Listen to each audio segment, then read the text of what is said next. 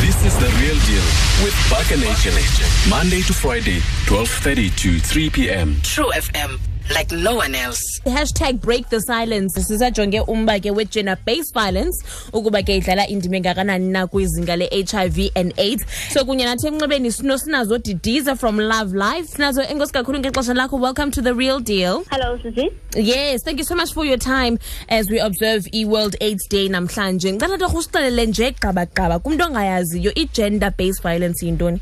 Alright, enkosi kakhulu sisi ndizibulisele kubaphulaphuli.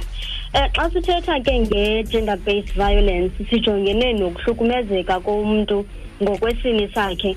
Umzekelo uba umuntu eyi-female ufumanisa ubana akanazi powers or uzifilisha engathi akanawo amandla okuzenzela izigqibo zakhe ugqityelwa mhlawumbi yipartner yakhe okanye ngumntu owenye igender okanye wesinye isini oyindoda then azive yena lo onesini esi- esiyindoda enamandla ukogqitha lo mm.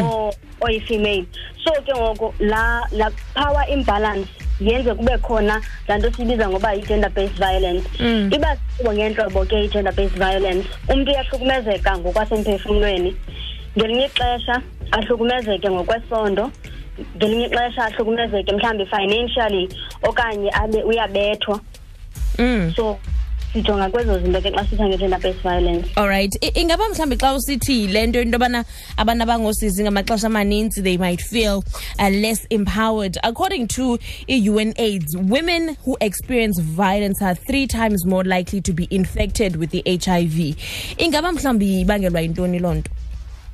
Um njengoba bendisenditshilo sisi ubana kukhona i- i- umba wepower ne? Mm.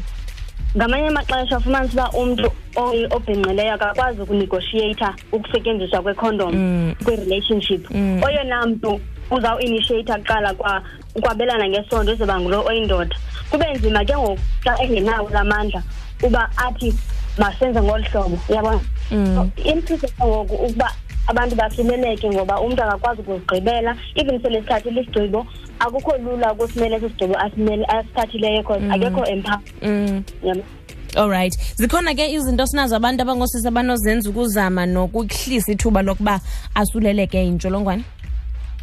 Ah ndingathi mna abantu abangoosisi mabafunde ukuzithemba. Because into iqala phana kukuzazi ubana wena ufuna ntoni mm. ize ke ngoku nakwezaa zigqibo zenzayo you need to know uba wena ufuna ntoni ngobomi bakho uyaphi ngobomi bakho and okwesibini uzikhusele kuba ubomi bakho buxhomekeke kuwe it's your responsibility not i-responsibility yepartner yakho Mm. and sometimes kuyanegotiatwa kwi-relationship you need to negotiate izidingo zakho nee-expectations zakho kwi-relationship yakho uzibeke zicace so that nalo mntu ujela naye akwazi ubana azi-accommodate.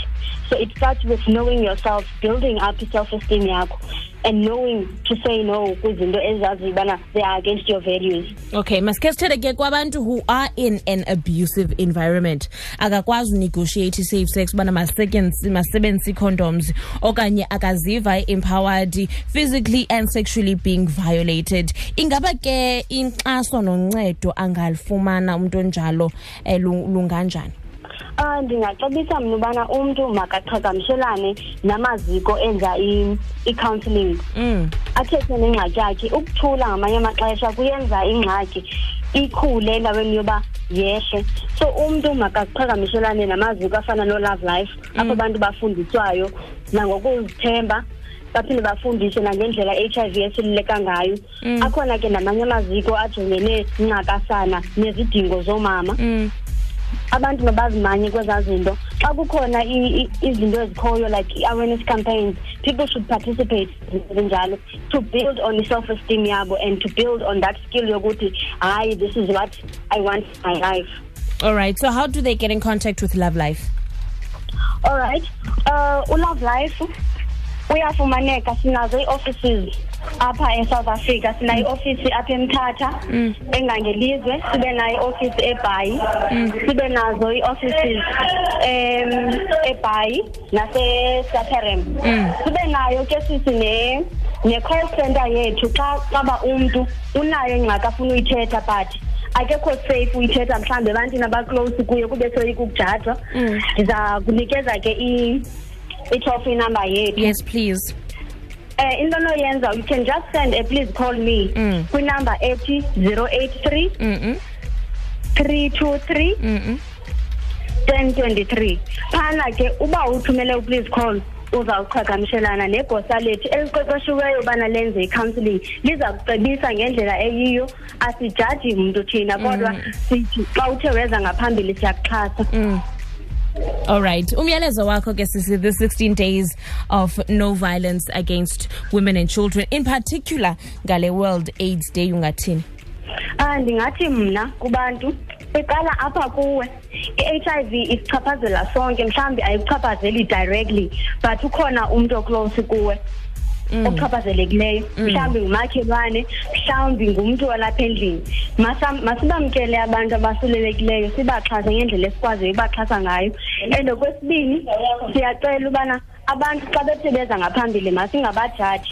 Masibamkele iingcebiso esikwaziyo ukuzenza kubo sibacebise. All right. Sinazo nkosi kakhulu ngexesha lakho. Continue doing the fantastic work, the important work eniyenzayo kwa Love Life. Nkosi kakhulu ngexesha lakho ke sisi. ndiyabulela nam All right. sifumane ku-www.truefm.co.za naku-channel 916 on dstv true fm ifumaneka yonke indawo like no one else